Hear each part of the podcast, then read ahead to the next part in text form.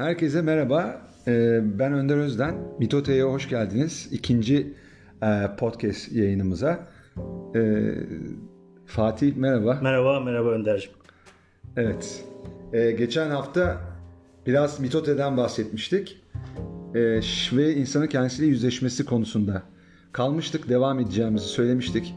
Bu arada çok güzel e, yorumlar geldi. Bunlar için e, çok teşekkür ederiz. Teşekkür ediyoruz evet. Aynı zamanda e, kitap önerilerinde bulunanlar da olmuş. Film önerisinde de bulunanlar oldu. E, bunların hepsini hem e, okuyacağız hem izleyeceğiz. Hatta kitaplardan bazılarını da e, sipariş verdiğimizi söyleyebilirim. E, çok teşekkür ediyoruz. Bunu başlangıçta vurgulamak istedik. Ya biz e, yani Sokrates'in dediği gibi e, en azından hiçbir şey bilmediğimizi biliyoruz. O yüzden de sizin e, geri bildirimleriniz, dönüşleriniz, yorumlarınız, e, kitap önerileriniz, film önerileriniz bizim için çok önemli. E, lütfen e, bizi bunlardan esirgemeyin. E, gereken neyse onu yapacağımızdan da emin olun. Süper. E, biz o zaman konuya girelim. Ve şimdi burada insanın kendisi yüzleşmesi e, kavramı ile ilgili bugün dört bölüme ayırdık. E, Birincisi insanın kendisiyle yüzleşmesinin e, öneminden en başta bahsetmek e, istiyoruz. Ben e, bir kitap var bizim Önder'le çok sevdiğimiz geçen sene okuduğumuz hatta ben şimdi bir kere daha okuyorum. E, Amerikalı bir psikolog yazmış Mark Wallin isminde. E, kendisi e, Amerika'da e, Aile Takım Yıldızı Enstitüsü ve e, Kuzey Kaliforniya Hellinger Enstitüsü'nün direktörü. E, seninle başlamadı kitabın ismi. E, ben buradan çok kısa bir izin verirseniz pasaj okuyacağım. Çünkü e, bu bölümün başlığıyla ilgili e, bir pasaj bu. E, herkese tanıdık geleceği üzere travmaların en önemli özelliklerinden biri onu anlatma ya da açığa çıkarma konusundaki yetersizliğimizdir. Sadece kelimeleri kaybetmeyiz, aynı zamanda hafızamızda da ilgili, ilgili kayıplarımız vardır. Travmatik bir olay sırasında düşünce süreçlerimiz öyle dağınık ve düzensiz hale gelebilir ki asıl olaya ait anıları fark edemez oluruz. Bunun yerine anlarımız, görüntüler, bedensel algılar ve kelimeler halinde içimizde bir yerlere dağılır ve bilinçaltımıza depolanır.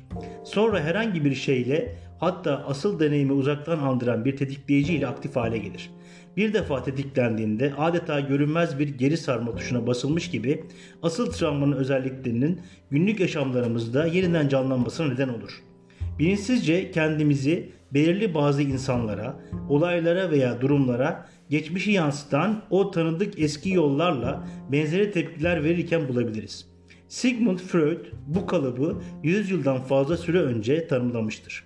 Travmatik yeniden canlandırmalar veya Freud'un adlandırdığı gibi yineleme takıntısı bilinçaltının çözülmemiş şeyleri hatasız yapmak üzere tekrarlama girişimidir. Geçmişteki olayları çözmek amacı güden bilinçaltından gelen bu dürtüler aile tarihinden gelebilir ve geçmişimizdeki çözülmemiş travmalar gelecek nesillerde ortaya çıkabilir. Freud ile ça- çağdaşı Carl Jung da bilinçaltında kalan şeylerin yok olmadığına fakat daha ziyade yaşamlarımızda kader ve talih olarak yeniden yüzeye çıktığına inanmıştır. Jung bilinçli olmayan ve ne varsa kader olarak deneyimlenecektir der. Diğer bir deyişle farkındalık ışığına getirmediğimiz müddetçe muhtemelen bilinçaltı kalıplarımızı tekrarlamaya devam ederiz. Hem Jung hem de Freud işlenmesi çok zor olan her ne varsa kendi kendine yok olmadığını ancak daha ziyade bilinçaltımızda saklandığını belirtmişlerdir. Ee, bana göre bu pasaj e, çok önemli bir pasaj. Ee, insanın kendisiyle yüzleşmesinin önemini ifade ettiğini düşünüyorum ben. Çünkü e, gerek e, geçmişimizden genetik olarak ailelerimizden miras almış olduğumuz travmalar bilinçaltımıza yerleşmiş olabilir.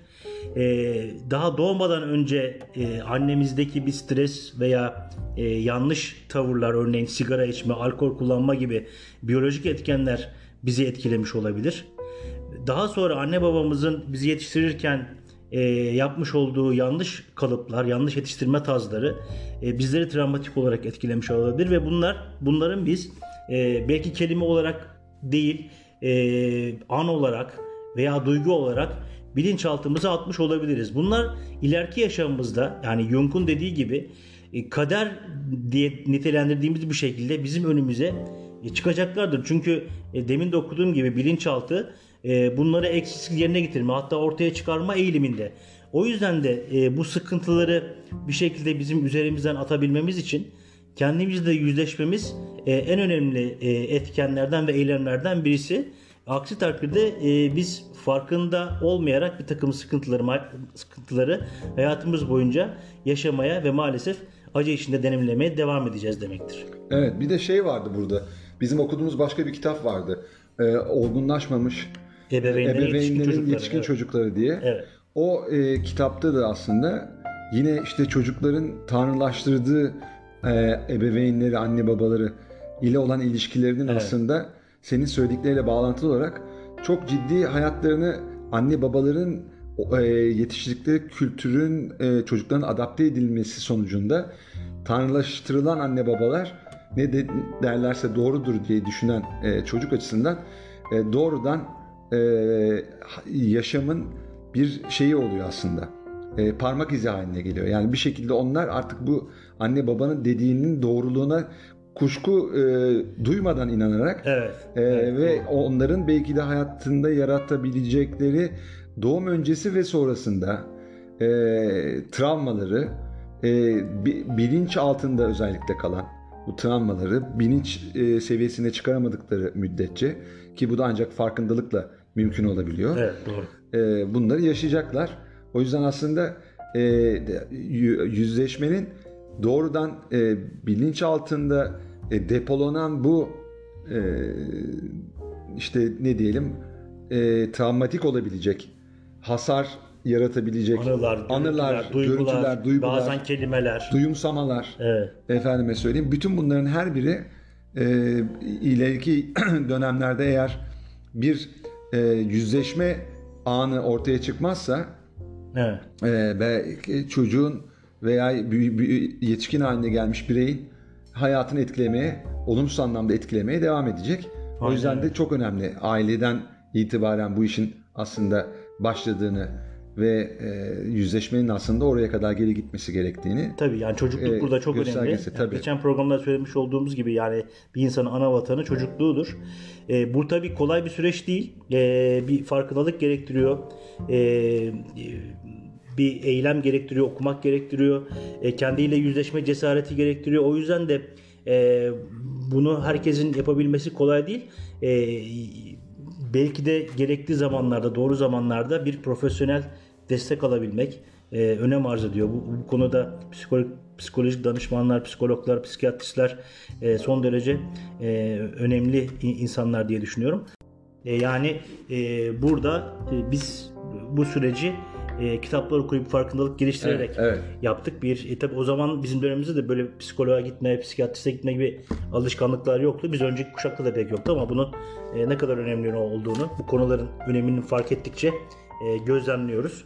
E, bizdeki gelişim bu yönde oldu. Bir de bir de şey var tabii yani psikolojik destek almak da mümkün ama bir yandan da işte bu kendine yardım kitapları denen işte psikonetin özellikle var iyi hissetmek, hayatı e, e, yeniden keşfet e, gibi e, kitaplar var. O kitaplar da e, fazlasıyla yardımcı olabilir tabii ama e, hani bu tip kendisiyle yüzleşemeyen insanların hayatlarının bir döneminde karşı karşıya kalabilecekleri depresyon durumu mesela Evet. e, belki tek başına bu e, kendine yardım kitaplarıyla çözülemeyebilir. O yüzden de e, bu şeyi yüzleşmek e, manasında e, psikolojik destek almakta yarar var.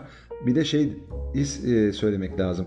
Yani kişinin kendisiyle yüzleşmesi aslında kendisinin yapabilmesi gereken bir şey aslında. Yani Niyet lazım. Evet bir niyet lazım. Her şeyin başında niyet zaten. O o niyetle bir inanç geliştirmesi ve bir şekilde bunları e, anlamaya çalışmak istemesi e, lazım. E, bunun için bence kişilerin e, doğuştan getirdikleri bir takım özel, özellikler yani mizaçları da çok etkili. E, kişilikleri, karakterleri çok etkili. E, bunların her birinin ayrı bir anlamı var. E, bunlar e, açıkçası bazı kişileri kendisiyle yüzleşmeye, bazı kişileri ise her nedense e, belki de hayatlarının sonuna kadar yüzleşmemeye itebiliyor. Hayatımızda bizim yakın çevremizde de bu insanlar var. E, ve ben e, yakınımda, ailemde de böyle insanlar var ve ben açıkçası bunun bir e, gereksizlik olarak hatta görüldüğünü, işte felsefe yapma gibi bir takım şeylerle yaklaşıldığını ve bunun e, öneminin e, azaltıldığını, hafifleştirildiğini aslında e, görüyorum. Ve bu insanlar çok potansiyeli olan insanlar. E, etrafımdaki insanlardan e, bahsediyorum böyle olan. Ama buna rağmen e, çok oku, okumuş insanlar, çok iyi eğitimli insanlar kendilerini psikolojik anlamda çözümlemekten e, uzak duruyorlar. Ve Evet. bu, burada da şeyi hissediyoruz aslında. E, yüzleşmek o kadar zor ki aslında Evet doğru. bundan ne kadar e, sağlam bir eğitim e, şeyinden geçmiş olsa da Evet. e, bundan e, feragat ediyorlar adeta ve bir şekilde olduğu gibi hayatı yaşamaya ve el- elindekilerle yetinmeye devam ediyorlar. O kifayet etme durumu da hani dini bir vecibe ifa etmek gibi değil. Bu bir şey yani hani rahatlık. Daha sonra il- bahsedeceğiz e, alanlardan, insanın hayatındaki alanlardan. Konfor alanında aslında kalma çabası. Ya bir yanılgı var. Yani e, birçok e, yüksek e, öğretimden mezun hatta yani oralarda e, öğretim görevlisi olan insanların e, birçok şeyi hayatlarında çözdüğü gibi bir varsayım var aslında. Yanlış bir varsayım. Hani oralardan mezun olmak veya e, iş kariyerinde çok yüksekte bulunmak falan e, kendisiyle yüzleşmeyi getiremeyebiliyor. Yani Psikologlar da için de geçerli bu yani. Geçerli tabii yani. Ruh sağlığı Aynen öyle. alanında Yani, çalışanlar için de e, geçerli. o, onu iki yani o, o e, kısmı bence bir ayırmak lazım. Yani bir insanın yüksek eğitimde olması yani bir takım e, ünvanlarının bulunması, iş kariyerinin çok iyi olması falan kendiyle yüzleştiği anlamına veya psikolojik temellerinin çok güçlü olduğu anlamına gelmiyor. Evet. Böyle bir yanılsama var. Şimdi ikinci e, başlığımıza geçelim istersen. İnsanın Tabii. kendisiyle yüzleşmesi ne ne yol açar? Nasıl olur? Yani burada kendimizden ve veya gözlemlerimizden örnek verebiliriz. Tabii. Ee, geçen programda da bahsettik. Mesela bu e, içimizdeki sıkıntılar dolayısıyla çekilen acılar, e, sorgulamalar benim hayatımda olan. Sende nasıl oldu bir onu söyle. Ya ben de e, ben biraz e, kapalı bir ortamda yetiştim. Yani belli bir mahallede işte e, bir ailenin tek çocuğu olarak büyüdüm. E, koruyucu bir annem babam vardı. Yani gözlerinden sakınan. E, fakat işte bu hukuk fakültesini kazanıp da e, benim dönüm noktası yani. E, dördüncü sınıfta adli tıp dersimiz vardı. Sen de o dersi Tabii tabii almışsındır. tabii. E, o dersin e, belli bir bölümünde e, otopsiye e, katılma e, imkanımız vardı. E, biz de meraklı tipler olduğumuz için 2-3 arkadaşımızla beraber e, otopsiye gittik. E, o otopsiye gi- git, e, gittiğimde ve o oradaki durum beni çok etkiledi. Yani bir sürü ölü insan, e, kimisi intihar etmiş, e, kimisi yanmış. Bunun e, şüpheli ölüm olduğunda belki hukukçu olmayan e, dinleyicilerimize de bilgi vermemiz gerekebilir. Yani şüpheli bir ölüm varsa e, bunun mutlaka e, bu e, ölüm sonucu e, cesetlerin e, otopsi üzerinde otopsi yapılması lazım. E, otopsi de belli şekillerde yapıyor. Adli tıp dersi de e, bize hukukçulara bunu gösterir. Çünkü ileride meslektaşlarımız savcı olabilir, hakim olabilir. Özellikle ceza ve ceza hakimleri açısından. Ve e, savcılar otopsiye gidip otopsinin nasıl yapıldığını bilmesi gerekir. Çünkü e, ilk dokümanlar onların eline gelir polisten sonra. E, bu noktada o şeyi gördüğümde, o Sahneyi. sahneyi gördüğümde, o ölüleri gördüğümde ve özellikle bir e, 14-15 yaşında bir e, kızcağız vardı. Böyle çıplak bedenler üst üste konulmuş. Sanki pazar arabasına bir mal satılacakmış gibi.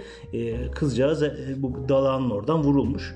E, çılçıplak gözümde yatıyordu gencecik. Yani orada ben bu sahnelerden ve o kızdan çok etkilendim. Yani e, kapalı bir ortamda yaşayıp da yani dışarıdaki dünyanın ne olduğunu bu kadar e, acı bir şekilde yaşamak, görmek be- beni açıkçası depresyona e, sevk etti. Onun ön- öncesinde de bir takım e, uygulamalar işte o eğitim sisteminde olsun, aile içindeki kalıplarda olsun e, o tuhaflıklar beni sorgulamaya yöneltiyordu ama burada sorgulama katsayısı bende daha da arttı. Yani önce e, toplumu sorguluyorsunuz. Ben de genelden özele doğru oldu. Sonra işte e, çevrenizi sorgularken anne babanıza geliyorsunuz. Sonra da kendime e, yönelik sorgulamalarım başladı. E, ama tabii e, baktığınızda orada yaşanan bir acı var. E, acının yol açmış olduğu bir depresyon var ve onun getirdiği bir sorgulama var.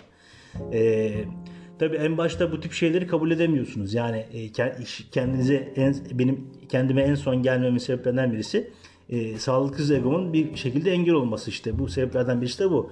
Hani ins- insanlar genelde e, acıdan kaçma eğilimi gösteriyorlar. Yani geçmişinde bir takım sıkıntılar, bunalımlar varsa e, sağlıksız egosu onu bir şekilde koruma mekanizması bağımında e, önlemeye çalışıyor. Bir duvar örüyor.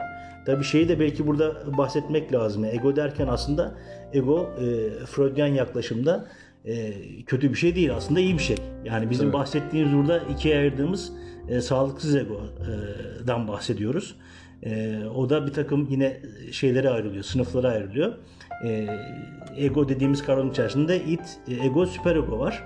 Ego, ego aslında e, transaksiyonel analizde de yetişkin benliğe e, işaret eden bir e, mekanizma, insan e, karar mekanizması gibi e, onu hayatta tutmaya çalışan, e, karar vermesine yardımcı olan, korumaya çalışan bir işletim mekanizması gibi çok basit anlamda. Daha dengede Ee, oldu. Evet, evet yani görebiliriz ama e, sağlıksız e, ego dediğimizde yani narsizm de sağlıklı veya sağlıksız narsizm de var.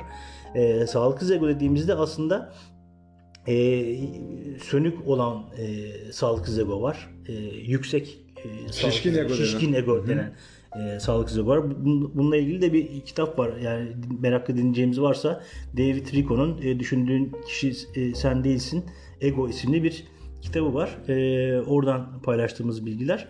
E, ben şey diyorum yani bu sağlıksız egonun sağlıklı egoya doğru dönüşme yolculuğuna ben e, egonun olgunlaşması diyorum aslında. Yani böyle- bu benim e, yarattığım bir tabir. E, bu olgunluk, dinginlik sayesinde de e, içinizde örülen o duvarlar e, saydamlaştığında e, kendinizle yüzleşmeniz ve kendinizle e, karşı karşıya gelmeniz, tabii geçmişinizle, çocukluğunuzla geç, e, karşı karşıya gelmeniz biraz daha kolay oluyor. E, tabii burada şey de lazım, e, farkındalık da lazım. Yani bu bir disiplin işi. Yani sorgulayabilmeniz için e, kendinize e, dönük olarak geçmişinizdeki yanlışların farkına varabilmeniz için de belli bir bilgi birikimi lazım. E, bunun dışında doğru olan kitapları e, okumak, o kaynaklara e, ulaşmak gerekiyor. Bu da bir e, tabii sabır ve disiplin işi. Aslında belki Evet. de insanlar bu sabır ve disiplini de gösteremeyeceklerini düşündüklerinden yüzleşmekten kaçıyor olabilirler diye düşünüyorum. Evet. Yani e, dediğin gibi e, ba- bazı insanlarda bu yüzleşmeler doğrudan bir acıyla bazı bazen de belki de sorgulatılması sayesinde e, çok az insanın sanırım hayatında akıl hocası vardır. Yani Evet, hani doğru. bir şeyleri e, sorgulaması gerektiğine inandıran ya da işte öğretmenleri bu şekilde herkesin e, çok sorgulatan, e, kuşku duymasını sağlayacak şekilde yetiştiren gerek aileler gerekse eğitim hayatındaki öğretmenleri bence çok fazla sayıda değil Türk toplumunda özellikle. O yüzden biz herhalde kendi başımıza sorgulamanın gereğini öğren öğrenirsek eğer ancak hani Evet doğru. bunu yapabiliyoruz. Çok sorgulayıcı tabii çok insanlar var doğuştan. Onlar da azınlıkta kalıyorlar. Ve ben kendi hayatımdan senin gibi örnek verecek olursam ben de de açıkçası e, ilk başta e, Ferrari'sini satan Bilge diye bir kitap vardı Evet, Robin Sharma'nın. O kitapla başladım. O kitabı e, kendim ya bu tip kitapları bir deneyeyim, oku- okumayı deneyeyim e, diyerek başladım. E, temelinde bir acı vesaire yoktu aslında. Ondan sonra e, okudukça yıllar geçti ve sonra ben ilkokul hayatıma döndüm. O ilkokul hayatımda e, ki o sıkıntı öğretmenimin e, işte öğrencilerinin genelini e, dövdüğü bir 5 yıl yaşadım. E, ben de onlardan biriydim ve e, hiçbir şey olmamış gibi yaşamışım uzun yıllar.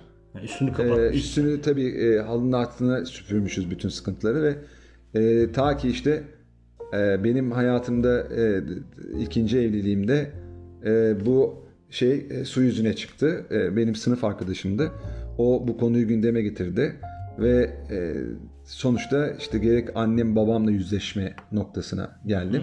E, o dönemde olan şeylerle ilgili olarak e, çok büyük bir sıkıntı yaşadığımı e, itiraf ettim. Ve bir şekilde onlar da tabii artık olay çoktan bittiği için bir şey yapamayacak durumdaydılar.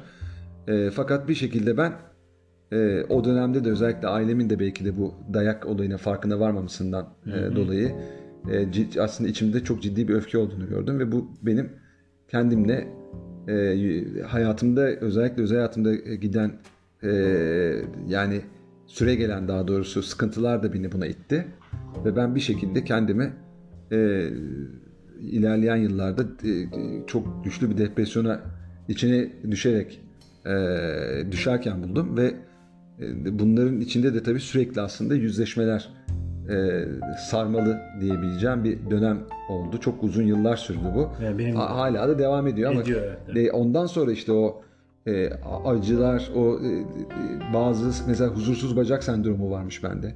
Bunu kendim keşfettim. Tırnak yeme olayı vardı bende. Kişinin kendisine e, e, veya dışa karşı duyduğu öfkenin e, bastırılmış olmasından kaynaklıymış bu. Ve bir şekilde ben tırnaklarımı yiyordum çok uzun yıllar sürdü bu. Bunlar kompulsif davranışlar yani bir şekilde aslında çok sürekli ve farkında olmadan yaptığın şeyler dışarıdan gözlemlenebiliyor bu hareketler. Evet. Bunlar Ama aslında sen gözlemleyemiyorsun e, belki. gözlemleyemiyormuşum. ya çok farkında da değilsin. Tabii, tabii. yani. Ondan sonra da işte zaman içerisinde bunlar şey oldu. Yani netleşmeye başladı. Ee, o yüzleşme ol- olunca zaten insan gerçekten bir de şu var. e, Şunu söylemek lazım. Yani yüzleşmek de tek başına yetmiyor. Ben yıllardır yüzleşiyorum. Hala bir sürü şey eksik yapıyorum. Yani hala anlayamadığım, anlaşamadığım insanlar olabiliyor. Ee, hala is- istediğim e, şiddette e, iyi dinleyemiyorum karşımdakini. Ee, sabırsızlanabiliyorum. Ee, efendime söyleyeyim. Sonra çocukluğuma döndüm bu süre- şey sayede. Evet. Çocukluğumdaki çok daha dingin, olgun olan halime e, döndüm. E, o- onu hatırlamaya başladım. Biraz da buna da yardımcı oluyor galiba. Evet. İşte orada da o egonun ne olduğunu öğrendik. Yüzleşmenin aslında bence insana notlarımız arasında belki yok ama ego ile bağlayacağım. Yüzleşmenin insanı en çok döndürdüğü şey e, egosunu tanıma e, imkanı sağlıyor. Ve egonun ne olduğunu öğreniyorsun. Yani sokaktaki yani çok egosentrik bu insan veya sanatçılar çok egolular da alakası olmadığını görüyorsun. Yani Evet. egoyu ilk başta onu da söylemek lazım. Yani egoyu ilk başta biz kötü bir şey olarak okuduk aslında. Evet, İşte doğru. Eckhart Tolle'un şimdi şimdinin gücü kitabı. kitabı. E, mesela halbuki ego iyi bir şey. Freudian şeyde baktığında. Baktığında evet doğru. E, ve o noktada o kuram kapsamında baktığında psikolojik kuram kapsamında e, ego aslında dengeli dengeli bir benliği ifade ediyor. Aynen. E, ve daha sonra da diğerinin de işte düşündüğün kişi sen değilsin. David Ricon'un senin söylediğin kitaptaki sağlıksız egonun aslında E, tezahürleri. tezahürleri olduğunu ve bizim de aslında sağlıksız egonun bir de senin tabii onu daha ilerleyeceğiz ama kültürler de çok önemli burada. Bizim kültürümüz yüzleşmeyi e, e, yüzleşmemizi isteyen bir kültür değil. Değil doğru. Anne babalarımız da çoğunlukla öğretmenlerimiz de öyle yetiştirdikleri için bizden önceki jenerasyonlar daha da katı bir biçimde hem de bize onu vermeyi bilemiyorlar. Yani böyle bir müfredattan geçmemişler. O yüzden yüzleşme noktasında e, veyahut da bu tip psikolojik bilgilere sahip olma noktasında gene, geneli öyle e, şey değiller. Hakim değiller ve o yüzden de aktaramıyorlar. Aktaramadıkları için de biz o e, şey içerisinde aslında Evet. daha savunmacı, daha ötekileştiren, daha kendisini ayrıştıran sağlıksız egoyu e, şey yapmaya, pekiştirmeye başlıyoruz içimizde. başlıyoruz.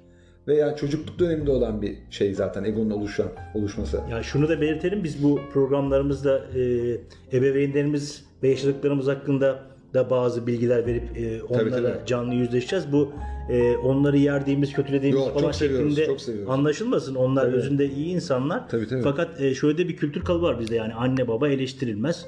Onla, onların e, size bize vermiş oldukları değer kıymet çok yüksektir. O yüzden de onları eleştirmek, o kıymeti yani. e, bir şekilde indirmek, e, onları üzmek anlamına gelebilir gibi bir yaklaşım var ki bu doğru değil. Çünkü e, benim e, görüşüm ve kanaatime göre eğer biz ebeveynlerimizin bize e, yapmış oldukları farkında olarak veya farkında olmayarak yapmış oldukları tutum ve davranışların yanlışlığını irdelemezsek hem kendimizin hem de toplum olarak gelişim katsayımızı yükseltememiş oluruz. Aynen. E, burada e, ki sıkıntıyı da e, bu yanlış e, tutum ve kalıpları da iyi gözlemliyor olmak lazım. E, hiçbir anne baba çocuğun kötülüğü için, yani aklı başında hiçbir anne baba çocuğun kötülüğü için e, çalışmaz, e, hareket etmez, e, öyle bir tutum ve davranış sergilemez. E, bizim e, aynı durum bizim anne babalarımız için de geçerlidir. E, bunu da dinleyicilerimizin bilgisine antiparantez sunmuş olalım. Tabii tabii tabii. Bütün bütün yani bütün anne babalar için aslında Tabii. söyleyebiliriz. Yani Tabii, tabii. dediğin gibi yani ak- akıl sağlığı yerinde olan e, okumuş okumamış olabilir. Önemli değil. Yani Anadolu, Tabii, Anadolu, tabii, tabii, Anadolu'da tabii. özellikle çok bilgi e, köylülerimiz vardır. Yani bunlar da hiç yabana atılır gibi değildir. Tabii. E, algıları çok güçlüdür. E, o yani bazı şeyler çok farklı tabii hayatta. Okumak değil her şey bir yandan da. E, o yüzden bizim hayatımızda e, bu e, farkındalıkları geliştiren ve egomuzu daha sağlıklı hale getirmemize yardımcı olan e, kendimizle yüzleşme meselesi çok önemli. Peki e, şeyi de bir konuşalım. İnsanlar neden kendileriyle yüzleşmekten kaç, kaçınıyorlar? E, yine seninle e, başlamadı kitabında galiba bir bölüm vardı. Çok kısa bir bölüm var. Hemen onu, onu okuyayım. Ee, ailemizdeki bireyler dayanması zor travmalar yaşadığında suçluluk veya keder hissettiği zaman algılanan duygular çok yoğun olabilir ve kontrol edebilecekleri veya çözebilecekleri boyutun ötesine geçebilir. Bu insanın doğasıdır. Acı çok büyük olduğunda insanlar ondan kaçınmaya çabalar. Ancak duygularınızı engellediğiniz zaman bilmeden bizi doğal olarak serbest bırakmaya götürebilecek olan gerekli iyileşme sürecine engel diyor. Yani bir e, acı katsayısının e, büyüklüğü veya o kişi acı katsayısını da kendisi için büyük görebilir. Bir başkası yaşayacağı acıyı üçüncü bir gözden büyük görmeyebilir.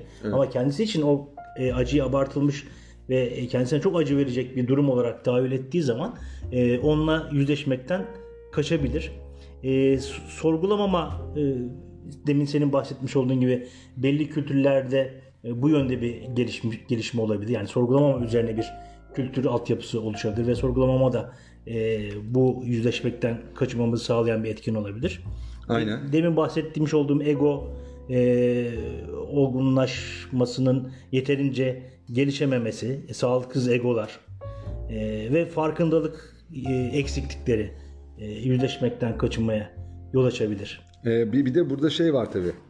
Ee, yüzleşememenin nedenlerinden biri de aslında insan hayatında üç tane alanı var, alan var. Yani Evet. Birisi konfor, birisi keşif alanı, bir tanesi risk alanı. Bu alanlardan e, yine ne yazık ki e, demek zorundayım.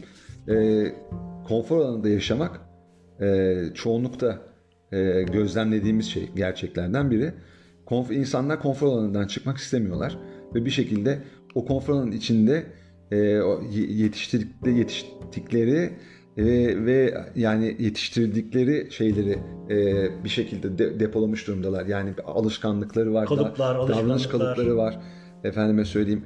Yani bir sürü e, onu var eden, o kişiyi var eden bir takım şeyler var orada ve e, kültürel kalıplar da var tabi ve bunlara bir şekilde tutunuyor ve bu yeni şeyler denemekten de geçmişindeki sıkıntılarla yüzleşip onları onarmaktan da onu geri e, alıkoyuyor ve e, bir şekilde e, o konfor alanından keşif alanına ve hatta daha sonrasında risk alanına geçmekte çok ciddi güçlük çekiyor, çekiyorlar ve e, bunun da işte en önemli nedenlerinden biri alıştıkları alan, konfor alanında yaşamaya devam etmek isteyen. Aynen öyle. Hafta sonu bir film izlemiştik seninle beraber. Guguk Kuşu bence bu Evet, Guguk Kuşu. konfor alanı meselesine e, gayet e, uyan bir film. E, 4 Oscar'lı bir film. E, Jack Nicholson'ın Jack Nicholson'ın e, oynadığı bir film başrolünde. İzlemeyen dinleyicilerimiz varsa tavsiye edebiliriz kendilerine. Evet burada e, peki yüzleşememenin sonuçları nelerdir? Yüzleşememenin sonuçları bana göre en büyük sonucu şey, e, gerçeğe saygısızlık. Evet, o kavram çok Ee, ciddi. ya gerçeğe en önemli yani- kavram belki de. Tabii en önemli kavram. Mesela e, babamdan örnek vereyim. E, babam anne babasını tanrılaştıran bir yapıya sahip bir insandı. E, Ne yapıyordu yani bu anlamda? o- onların e, yapmış oldukları yanlış eylemleriyle dahi yüzleşemiyordu. E, annem gelip kendisine işte şöyle şöyle oldu gibi hakikaten yanlış bir tavır varsa ortada e, anneme sen yanlış anlamışsındır. Onlar öyle şey yapmaz gibi. Geçiştiriyor yani. Evet yani aslında bir gerçeğe saygısızlık Var, evet. Yani e, Çok net bir e, tanrılaştırmanın getirmişler. Bu da e, aile içinde bir takım e, anne ile baba arasında sıkıntılara yol açıyor. Karı koca arasında demek daha doğru olur. E, mesela bu bir şey. E, gerçeğe saygısızlık. Birçok e, örnek verilebilir. Yani e, kendiyle yüzleşemediğiniz zaman yani o acıdan kaçma bazında hakikaten e, bir takım bahaneler üretiyorsunuz. Üretme ihtiyacı duyuyorsunuz.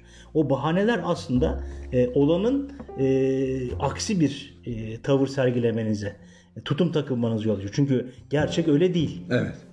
İster çünkü ondan kaçınmanız lazım. Bir yerde işte sağlık size bu da e, bu yönde sizi o kaçınmaya yol açıyor. İçinizde yaratmış olduğunuz duvarlar. Çünkü alışkanlıkları, kalıpları da yıkacak. Tabii. O ondan on, oradan gelecek bir korku da var veya konfor alanına bir şekilde çıkmanız gerekecek. Evet. Ee, onun getirmiş olduğu bir belirsizlik ve e, korku da olabilir bu. İnsanlarla aranız da bozulabilir. Bozulabilir. Anne babayla arası Aynen. bozulabilirdi babanın mesela. Olabilir. Da, o olabilir. Ondan çekimi. Onu o bozulduğu zaman o süreci nasıl idare edeceğini de bilmiyor olabilir. Tabii, kesinlikle. Psikolojik temellerdeki zayıflıktan bahsettik. Evet. Ee, bunların hepsi birer korku ve acı süreci yaratacağından e, insanlar yüzleşmekten genellikle demin de kitaptan okuduğum pasaj itibariyle e, kaçınıyorlar. Aynen. Bir de ben burada şey ekleyeceğim. Bir tane Persona diye bir podcast var. Onu ben e, yeni dinlemeye başladım. Ee, bir psikolog, genç bir e, psikolog e, şey yapıyor, e, podcastleri yapıyor.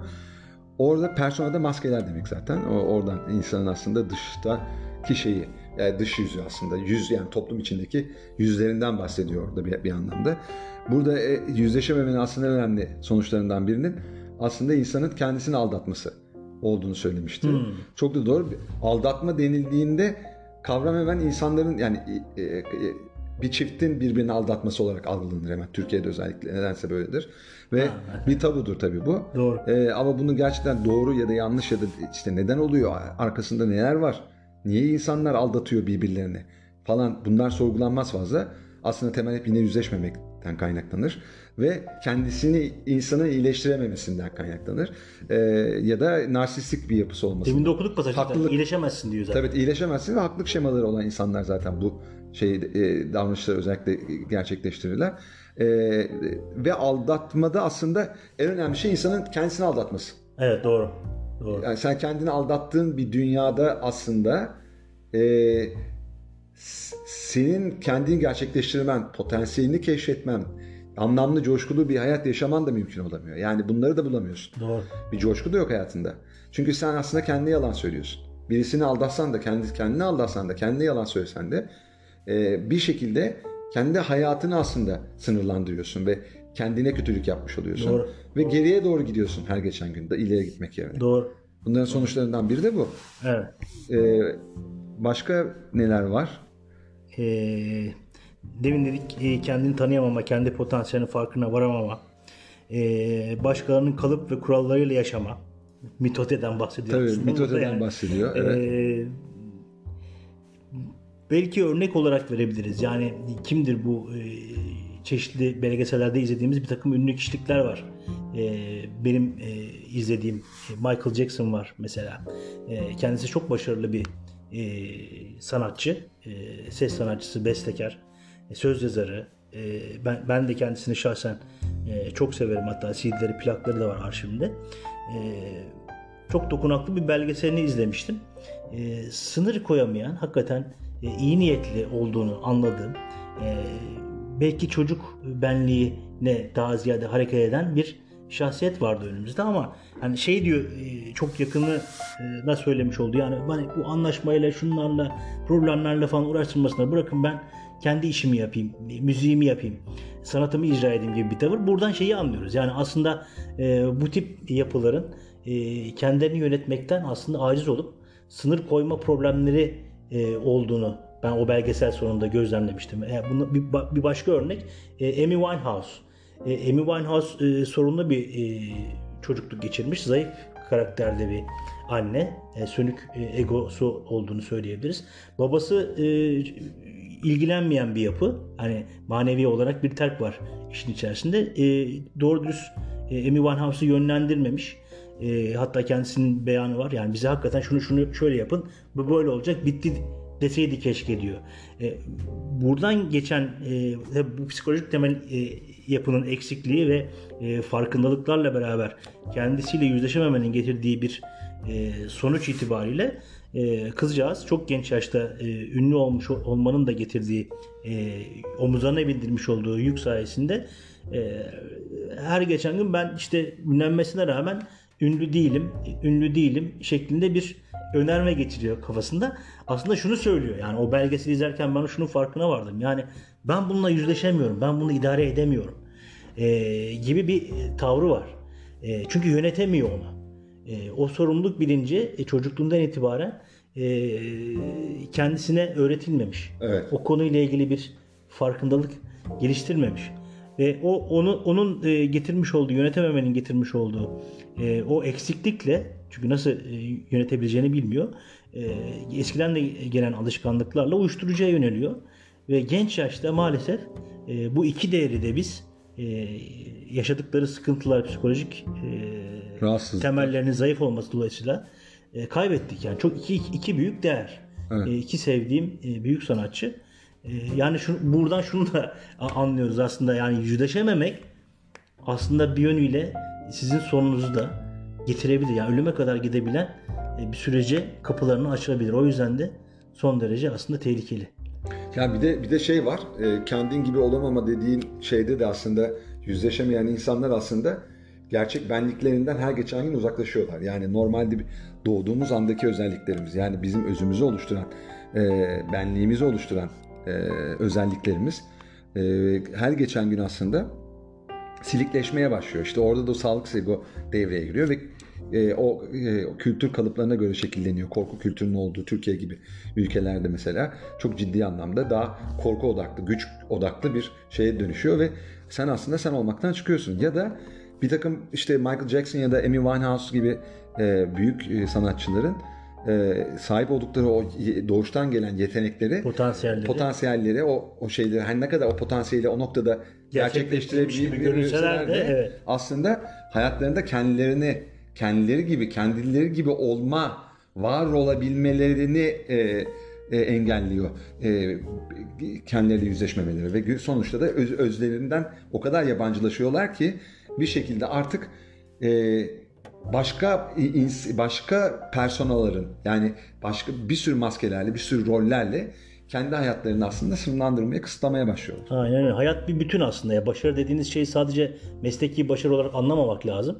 Özel hayattaki başarı, ilişkilerdeki başarı, yani e, eşinizle, kardeşinizle, annenizle, babanızla, çocuğunuzla e, olan ilişkilerdeki başarı. Bunların hepsi bir bütün. Hani sadece mesleki potansiyel, mesleki başarı olarak görmüyor olmak lazım. Veya e, ailedeki başarı olup da mesleki başarısızlıkları da e, ayrı tutmamak lazım. Hayat e, tabii bütün olarak görmek Evet. lazım. Bütünsel bir başarı olarak bakıyor olmak lazım. Evet, evet. toplam kalite bilinci denen bilinç de Evet. bunu söyler. Evet. E, Bence süremizi biraz Evet, açtık. Olsun bazen olabilir böyle. Ee, çünkü bu çok önemli bir e, kaynaktaki sorunlardan birine temas ettik. Asıl belki de sorun o. Evet yani en önemli adımlardan birisi Yani bir, olduğu bir- için. birisi olduğu için yani e, bazen uzayabilir, bazen daha kısa olabilir ama e, bence toparladık gibi geliyor bana. E, Evet. e, yine herkese e, şu ana kadar bizimle olanları, dinleme hesabı gösterenlere, Sabır gösterenlere. Evet, teşekkürlerimizi Teşekkür e, sunuyoruz. E, çok teşekkürler, çok sağ olsunlar. E, soruları olanlar, bize e, yine ulaşmak isteyenler her zaman ulaşabilirler.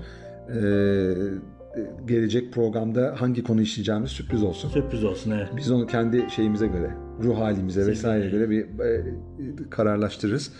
E, herkese güzel bir gün diliyoruz. Güzel aydınlık ışık dolu günler Işık diliyoruz. dolu gün- günler olsun. İyi bakın kendinize. Hoşça Hoşçakalın.